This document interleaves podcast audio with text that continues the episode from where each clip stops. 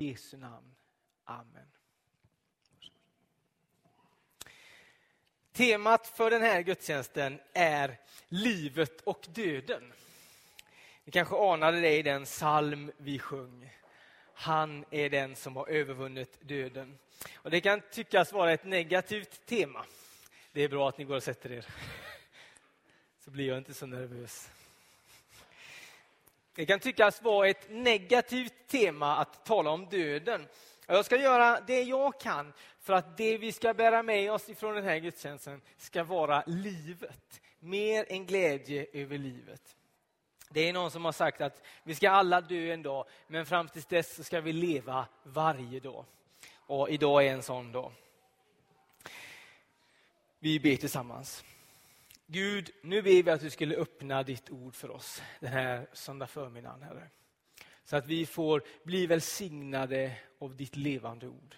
Vi tackar dig, Herre, att du är här. Och vi ber att du skulle öppna våra hjärtan för det du har att säga oss här och nu. Välsigna den här predikan. Välsigna mig i detta. I Jesu namn. Amen. Hemma hos oss så får vi just nu en olämpligt stor dos av Astrid Lindgren. Hon genomsyrar nästan varje dag hos oss just nu. Och det, det är spännande. Det är Pippi Långstrump här och det är ja, allt vad det nu skulle kunna tänka sig vara. Hon har ju gjort väldigt mycket, Astrid Lindgren. Och hon hade ett nära förhållande till livet och döden i sitt eget liv. Vi ser det i hennes sagor och de odödliga berättelser som hon har gett ifrån sig. Livet och döden ligger väldigt nära där. Pippi säger i, i, i ett tillfälle, helt oproblematiskt. Det, det är roligt att Ingemar ska översätta detta nu till dem där nere om Pippi Långstrump. Det är bara att gratulera till våra afrikanska vänner. Eh, Pippi Långstrump i alla fall, varsågod och översätta det. Eh, hon har ett ganska obehindrat förhållande till exempelvis det som hon säger. Min mamma hon är död och hon är i himlen. Och det bara bryter in helt plötsligt i den här sagan som verkar vara väldigt lätt och glädjefull. Och så kommer det bara helt pang på. Astrid hade ett nära förhållande till livet och döden. Hon pratade varje dag med sina systrar i telefon. Och Då sa hon så här, vi måste också prata om döden. Vi måste prata om döden, sa hon. Och Då sa hon på sitt mest dramatiska sätt, döden, döden, döden. Så, nu har vi pratat om döden. Och så gick hon vidare. För att liksom ha betat av det där ämnet, så att man kunde prata om det som var viktigt och det som var roligt, tyckte hon. Astrid sa att man kan leva livet så att man blir vän med döden. Och det ger liksom en, en, en riktning i livet, tyckte hon. Livet och döden lever till synes sida vid sida i våra liv. Och ibland är steget däremellan väldigt litet. Livet och döden. Någon säger att döden är en del av livet. Och det är väl också sant. Jesus han har någonting att säga om detta ämne. Han ger sig ohämmat in i vårt samtal och han har någonting att säga om detta, om liv och död. I texten som vi idag läser så möter vi en Jesus som är på väg. Det står så här i Lukas kapitel 7 och vers 11. Därefter begav sig Jesus till en stad som heter Nain och hans lärjungar och mycket folk följde med honom. Just som han närmade sig staden bars det ut en död. Som ofta så möter vi Jesus på väg från ett ställe till ett annat. Och i skarvarna mellan de här städerna och byarna och, och de åtaganden som Jesus verkar ha, så möter vi också en Jesus som är beredd på det som eventuellt då skulle kunna komma att hända. Det är mycket mycket folk som följer honom på den här resan. De var så begeistrade av denne utfattige, statuslöse, vandrande lärare att de hade lämnat någonting för att få följa Jesus. Och när de följer med honom, då händer det grejer. Just när han närmar sig staden så bars det ut en död. Jesus närmar sig staden och runt staden finns det en mur. Och i stadsporten där, precis när han är på väg in, så möter han ett begravningsfölje. Han är beredd på det. Vi hade en väldigt intressant diskussion, eller möjligtvis samtal, i torsdags på vår samling Bibel och bröd om detta. Var det en slump att Jesus mötte det här begravningsföljet? Eller hade han så att säga planerat det? Vi var inte överens om hur det var. Men det vi vet är att Jesus han är beredd på det som händer där. Jag pratade med Hans Ek här i onsdags. Då sa Hans så här. Jag, jag fick nästan punktering på min bil på väg hit. Då kan man fråga, hur får man nästan punktering? Men det, det, då sa jag till Hans så här. Om jag får punktering på min bil, då vet inte jag vad jag ska göra. Jag skäms att säga det, men det är sant. Jag skulle väl antagligen ringa till någon som kan. Men jag har inte den beredskapen i mig själv. Jag har väl bytt däck någon gång, men jag har aldrig skruvat på ett sånt här reservhjul. Jag vet inte vad jag skulle göra då. Jag har inte den beredskapen i mig själv. Möjligtvis skulle jag väl kunna googla på min telefon hur man gör och så hitta mig till hur man skulle skruva.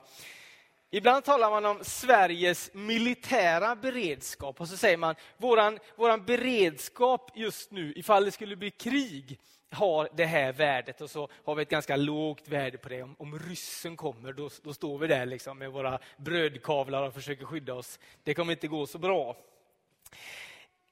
Är du beredd? Har du i dig själv en beredskap för det som händer? När jag cyklade till jobbet häromdagen så såg jag att det liksom var så här 50-50. Du vet, det skulle mycket väl kunna komma att börja regna. Och då tänkte jag så här, om det bara regnar nu, då är jag inte beredd på det, för jag hade inga regnkläder på mig. Och lite mer allvarligt kan man säga, ibland när man är på väg till en situation där det är allvar, där man inte vet hur det ska gå, då brukar jag be så här. Gode Gud, ge mig nu en beredskap att ta både med och motgångar i den här situationen. Så att jag ber Gud ge mig en beredskap för det som jag stöter på nu. Jesus, han var beredd. På många sätt är Jesus den ultimate SMU-scouten. Han var alltid redo för allting. Varsågod alla ni scouter, den var till er. Han är redo. Och vi kan också få vara redo när vi är hos honom. Han är redo för allt. Var det en slump eller var det planerat? Jesus möter dem och så ser han de människorna. Och jag älskar att Lukas, när han beskriver detta, tar tid för den här familjens berättelse. Han säger, den här personen som var död, han var ende sonen och hans mor var änka. Han tar tid för den berättelsen och beskriver den verklighet som döljer sig bakom det som finns på ytan. Och när vi hör det så kanske vi bara tänker att ja, det var en sorglig situation. Och visst är det så. Men verkligheten för den här mamman är mycket djupare och mycket sorgligare än vad vi kan tänka. Det var så vid den här tiden att en kvinna kan inte existera utan att relateras till en man. En äkta man, en pappa, en morbror eller morfar eller en son som var vuxen. Så att hon är änka betyder att hon är socialt helt utlämnad. Helt utan beskydd, helt utan trygghet. Och när Jesus ser hennes situation, då står det att han fylls av medlidande. Och Det här ordet som beskriver Jesus känsla, det är ett väldigt ovanligt ord för Lukas. Han vill ju liksom, som har skrivit den här texten, beskriver ju saker och ting utifrån fakta. Eh, han är detaljerad, men han har inte så mycket plats för människors känslor. Han tycker det är lite löjligt. Men när han ska beskriva hur Jesus drabbas av den här situationen, då tar han till ett kraftuttryck. Och så säger han, Jesus fylls av medlidande. Och detta ordet medlidande, det är ett medicinskt ord som beskriver hur det knyter sig i Jesu inre. Hur det skär och krampar i hans inälvor. Han drabbas så av den här situationen att hans kropp påverkas.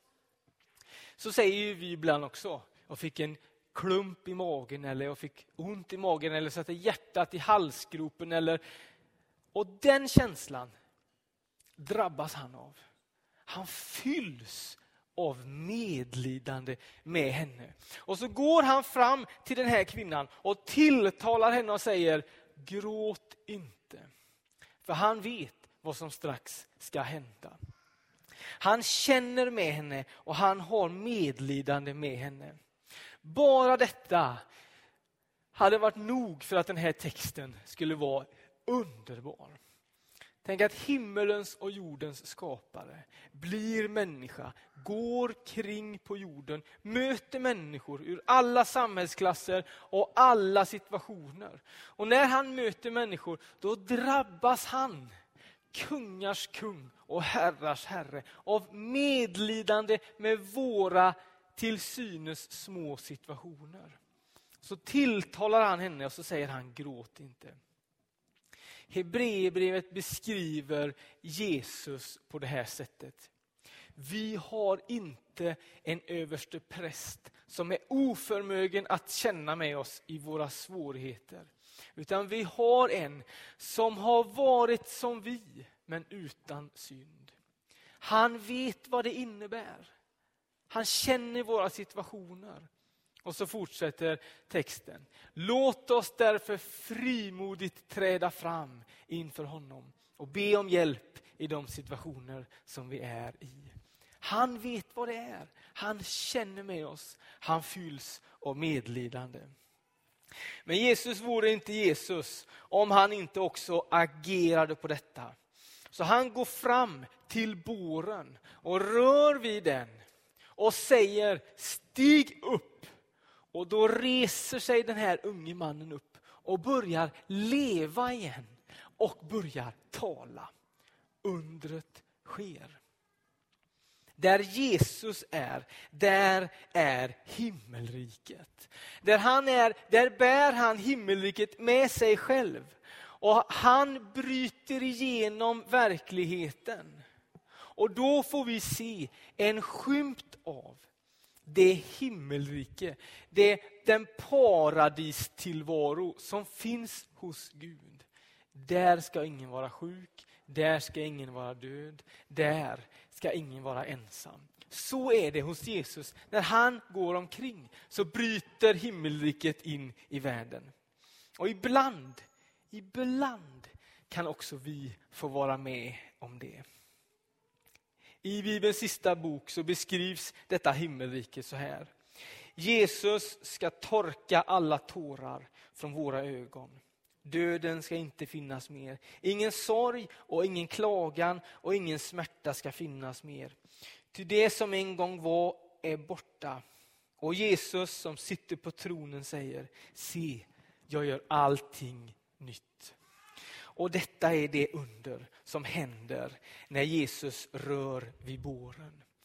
Himmelriket bryter in i den situationen och så blir den här personen levande igen. För i himlen ska alla som tillhör Jesus få leva och leva i evighet hos honom. Han som är livets Gud. Döden får inte sista ordet. Kärleken övervinner döden. Det är ju hela budskapet kring påsken. Han har övervunnit den. Därför ska vi få leva med honom. I våras så eh, dog min morfar. Till slut, får man nog säga. Han hade trott att han skulle dö från det att han var 60 och så blev han 92 och ett halvt. Och han sa hela tiden, ja, jag är död nog snart. Han levde liksom med, döden väldigt nära sig. Och I början så tyckte han nog att det var lite jobbigt. Han, han hade nog lite dödsångest, för att vara ärlig. Men sen på slutet så var hans enda bön den här. gode Gud, har du glömt mig? Ska inte också jag få kliva in i detta himmelrike till slut? Och det gjorde han av många olika anledningar. Han längtade efter sina släktingar och sina vänner. Efter min mormor, hans fru, och efter sitt barn som hade dött, som han längtade efter att få återse. Han hade en längtan efter det. Men mer av allt så längtade han efter att få möta Jesus. Eh, det finns en, en sång som jag lyssnar eh, på väldigt mycket. Min fru tycker att jag är jobbig på det sättet. Jag snöar in på en sång och så lyssnar jag på den om och om och om igen. Och den sången handlar just om detta att när jag en gång kliver in i himlen så, så kommer jag att bli presenterad för liksom, eh, lärjungar och personer i Bibeln och vänner i min församling och så vidare. Men jag längtar efter att få möta Jesus mest av allt. Så går den refrängen. Jag längtar att få se Jesus mest av allt. Och Det var det som var min morfars största längtan. Att få se honom som den han är, öga mot öga. Och så spenderar vi ibland lite tid och funderar på hur kommer det bli i himlen? Eh, vid något ställe så står det ju så här att det, det ska inte finnas något hav där. Då känner jag så här, Gud, det får vi nog prata om. Kan vi inte prata om det istället? Vi behöver inte bestämma det nu, vi får se vad som händer. I den här texten får vi det som kanske är den vackraste bilden på himmelriket som jag vet. Och Det är det som händer efter att den här unge mannen har satt sig upp på båren och börjat prata. Då står det så här, och lyssna. Och Jesus överlämnade honom åt hans mor. Han överlämnar honom åt hans mor. Hon får sin son tillbaka. Ja, hon får sitt liv tillbaka. Det är inte bara den här unge mannen som får sitt liv tillbaka. Det får också hon. Hon får sin trygghet tillbaka, sin sociala status. På ett ord från Gud själv så byts hennes sorg ut i glädje. Och Jesus överlämnade honom åt hans mor. Jag tänker mig att det är en bild på himmelriket. Att Jesus kommer säga till oss, se här är dina släktingar, dina vänner, de som har gått före in i evigheten. Och så tar Jesus liksom dem och överlämnar dem åt oss igen. Och så säger han, här får ni varandra tillbaka. Och Jesus överlämnade honom åt hans mor. Jesus är den som har övervunnit döden. Därför är den här gudstjänsten mer än någonting annat en glädjegudstjänst. För vi ska få leva med honom, han som är livets Gud, han som har övervunnit döden. Och Vi ser det i Bibelns texter, hur himmelriket bryter in i de här människornas verklighet och också i våra liv. En gång ska döden inte finnas mer. Utan Gud själv säger, se jag gör allting nytt. Korset är den symbolen på att Jesus övervann döden och därför ska vi få leva. Han känner med oss. Han vet vad vi går igenom. Han är inte oförmögen att känna med oss och inte heller oförmögen att gripa in i de situationer som vi möter. Och så målar han för oss en gång ett himmelrike där vi ska få leva med honom. Jesus är den som övervann döden. Jesus säger, jag är vägen, sanningen och livet. Ingen kommer till Fadern utom genom mig. Vägen är öppen till Gud själv. Vi ber. Herre helige Gud, vi tackar dig för nåden att få tillhöra dig. Och vi tackar dig för att du känner med oss, du älskar oss, du vill oss väl. Tack för det himmelrike som en gång väntar oss, men också det himmelrike som bryter in i vår verklighet här och nu. Herre, du vet vad vi bär. Du vet vad vi tänker på. Tack att du känner oss. Tack att du känner de situationerna. Och tack att du har medlidande med oss och kraft att förändra verkligheten. Helige Ande, möt oss just nu och fyll oss med liv och liv i överflöd. I Jesu namn. Amen.